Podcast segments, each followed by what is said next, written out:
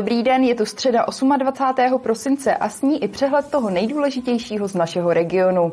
Zajímat se dnes budeme o novinky z České Lípy, Jablonce nad Nisou a Liberce. Pojďme na to. V České Lípě připravují rozsáhlé úpravy domů s pečovatelskou službou. Byty nejsou bezbariérové a problémem jsou hlavně koupelny. Radnice teď hledá projektanta, který připraví kompletní projektovou dokumentaci úprav. Koupelny Českolipského domu s pečovatelskou službou volají po rekonstrukci. Klientům, tedy seniorům a lidem s omezenou schopností pohybu totiž nevyhovují. Na místo lehce přístupných sprchových koutů jsou tu vany, do kterých se obtížně dostává. Město proto plánuje jednotlivé koupelny přestavět. Ta rekonstrukce bude průběžná, bude postupná, tak abychom zachovali chod tohoto zařízení a na vlastně poslední radě jsme odsouhlasili a přidělili zakázku, ale protože ještě běží všechny zákonné lhuty, tak teprve po proběhnutí budeme moct zveřejnit, kdo je tím, komu byla tato zakázka přidělena a podepíšeme smlouvu. Záleží nám na tom, aby byl projekt připraven kvalitně a proto je hodnotícím kritériem z 20% zkušenost projektanta s podobnými projekty, kterou musí při podání nabídky prokázat. Kromě koupelen eh, se budou vlastně eh, rekonstruovat všechny a vyměňovat veškeré rozvody, elektroinstalace, vodoinstalace a krom koupelen navíc budeme ještě rekonstruovat prostory, které byly doposud nevyužívané a chtěli bychom tam udělat dvoulůžkové pokoje a potom dále také zázemí pro lékařskou službu a pro sociální služby. V domě s pečovatelskou službou nepůjde o první investici. Loni tady město vyměnilo tři ze šesti výtahů. Letos zase radnice začala řešit problém s nezvanými návštěvníky, a to holuby. Nechala proto na okna objektu nainstalovat speciální sítě. Kateřina Třmínková, televize RTM+. Pokračujeme krátkým přehledem zpráv napříč Libereckým krajem.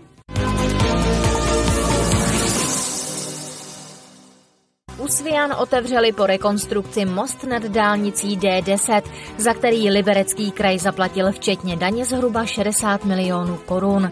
Práce na projektu budou pokračovat v příštím roce demolicí a výstavbou nového mostu nad železniční tratí.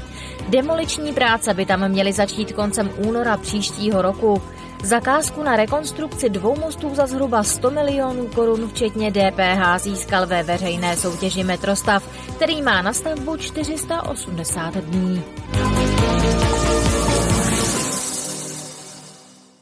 V Jablonci nad Nisou mají za sebou další celodenní uzavírku lesů na Prosečském hřebeni a v Srnčím dole kvůli odlovu přemnožených divokých prasat. Skončila ráno ve středu 28. prosince. Jde už o druhou takovou uzavírku. První se uskutečnila od 8. do 12. prosince a myslivcům se při ní podařilo střelit pět divočáků.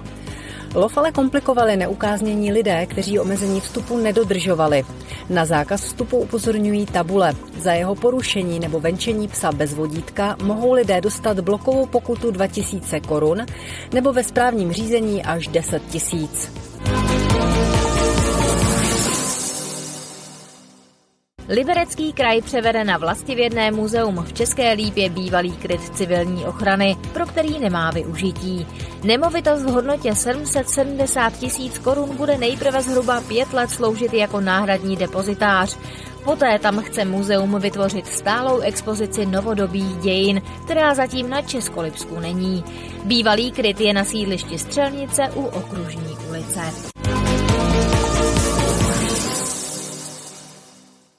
Ze slunečních lázní u přehrady v Jablonci nad Nisou bude příští rok provizorní zázemí. Na místě vyhořelého areálu by měly stát dočasné toalety a také pojízdné občerstvení. O případné výstavbě nového objektu bude radnice teprve jednat. 17. srpna zachvátil sluneční lázně u přehrady v Jablonci nad Nisou požár. Z areálu prakticky nic nezůstalo. Příští rok by se mohl alespoň částečně obnovit. Vzhledem k tomu, že tam teď není žádné zázemí, požár zničil i hygienické zázemí a nejbližší toalety jsou poměrně daleko a ani nejsou moc dobré, tak bychom tam chtěli na příští sezónu instalovat provizorní toalety, aby tam hygienické zázemí bylo. Zároveň tam chceme zajistit i provizorní občerstvení, asi z nějaké maringotky. Paralelně budeme připravovat definitivní řešení. Nejdřív si ale musíme na radnici ujasnit, jaké služby tam chceme mít. Areál slunečních lázní byl dlouhodobě oblíbený oblíbený a pro některé občany Jablonce skoro nenahraditelný. V Jablonci bydlím zhruba 15 let, takže se sem docela často a bylo to asi neoblíbenější tady zahrádka kromě Voluta. Tak čeká to hodně mrzí, no. Hodně se mi to dotklo. Příčinu požáru policie stále vyšetřuje. V současné době veškeré poznatky, které k případu máme, intenzivně prověřujeme. Nicméně nemůžeme dosud vyloučit žádnou z možných příčin.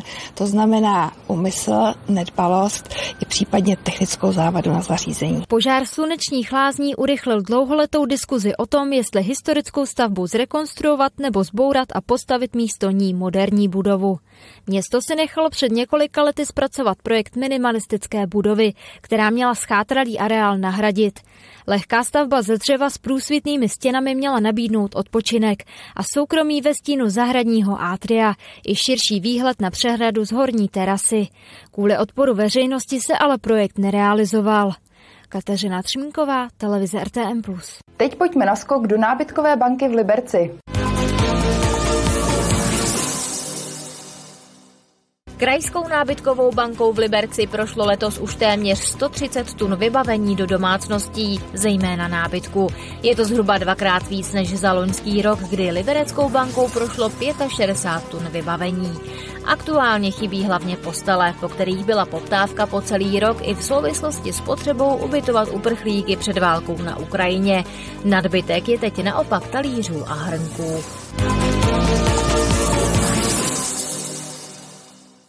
Krajská vědecká knihovna v Liberci otevře v lednu pro děti z Ukrajiny čtenářský klub Čteme spolu. Bude ve dvou věkových kategoriích od 4 do 6 let a od 7 do 10 let. Scházet se bude vždy jednou do měsíce. Služby pro Ukrajince navíc doplní knihovna také o ukrajinský klub, který bude nabízet program pro děti i rodiče. I ten se bude scházet jednou do měsíce. Novoroční ohňostroj chystá pět měst a obcí v Libereckém kraji. V Turnově bude poprvé s hudbou. Stráž nad ní souho chystá v tradičním duchu a v Novém Boru, Dochsech a Skalici u České lípy bude po dvouleté pauze zaviněné koronavirovou epidemií. Naopak třeba Česká lípa nebo Český dub se k pořádání ohňostroje na přivítání nového roku z ekonomických důvodů zatím nevrátí.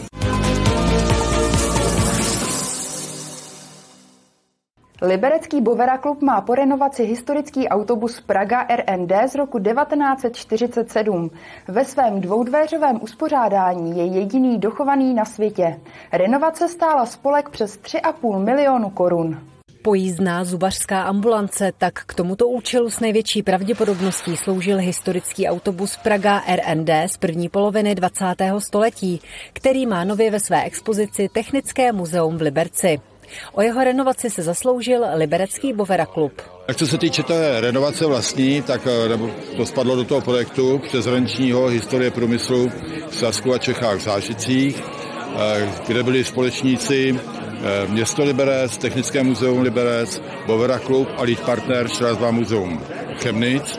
Ten projekt skutečně byl precizně zpracován, takže jsme se úspěch nakonec měli, sice po čtyřech letech, ale dostalo se na tu opravu, jak v Strasbourg muzeum pro ten jejich uh, bus muzeum, tak pro ten rendáka, takže jako to dopadlo dobře a musím říct, že přes všechny peripety to bylo krásné. Renovace byla na klíč, na základě veřejné obchodní soutěže renovovala autobus firma Zliner ve Zlíně, nicméně my jsme museli dát podmínky, jak ten autobus má vypadat a pak jsme průběžně eh, spolupracovali při té renovaci, dodávali některé nedostatkové náhradní díly, které oni nedokázali sehnat a eh, samotnou renovaci jsme průběžně konzultovali. Autobus patří k poměrně vzácným kouskům. Podobných typů se v Česku nachází asi desítka. Dvoudvéřovou variantu ale nikde jinde na světě nenajdete.